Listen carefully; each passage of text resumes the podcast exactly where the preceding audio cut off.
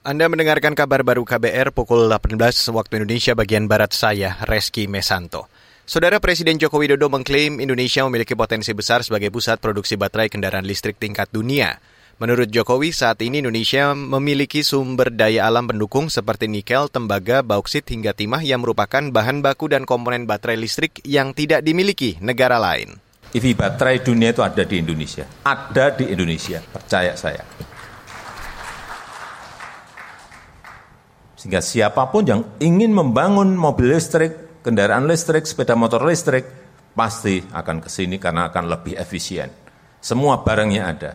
Presiden Jokowi menambahkan Indonesia juga memiliki potensi energi hijau. Pemerintah saat ini mengupayakan dan mengoptimalkan segala unsur yang ada guna meningkatkan perekonomian. Beralih ke berita selanjutnya, Saudara, pemerintah masih memiliki utang ke PT PLN dan Pertamina hingga ratusan triliun. Menteri Keuangan Sri Mulyani Indrawati mengatakan utang itu terkait kompensasi dan subsidi energi dari pemerintah ke masyarakat.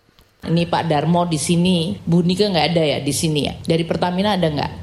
Ya dua orang ini yang nagih ke sayanya banyak banget sampai di atas 500 triliun. Itu untuk menjaga dua BUMN tetap jalan, masyarakat tetap terjaga daya belinya karena shock yang terjadi dari luar tidak kita pass through ke masyarakat. Menteri Keuangan Sri Mulyani Rawati menjelaskan kompensasi dan subsidi energi diberikan pemerintah ketika harga minyak dunia meningkat dan melemahnya nilai tukar rupiah terhadap dolar.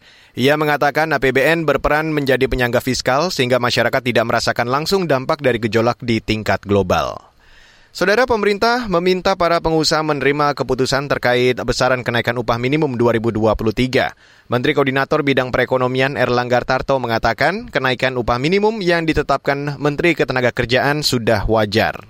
Ingat kenaikan upah ini yang pertama dari tiga tahun, tidak terjadi dalam dua tahun terakhir, sehingga tentunya bahasa jelasnya ini wiswayah nah, bahwa tenaga kerja ini harus kita apresiasi karena sudah berjuang bersama dan sudah mempunyai resiliensi yang tinggi. Menko Perekonomian Erlangga Tarto menjelaskan saat ini kenaikan upah rata-rata di tiap daerah sebesar 8 persen. Ia meminta pengusaha mematuhi aturan itu dan kembali meningkatkan produktivitas mereka. Dan saudara, demikian kabar baru saya Reski Mesanto.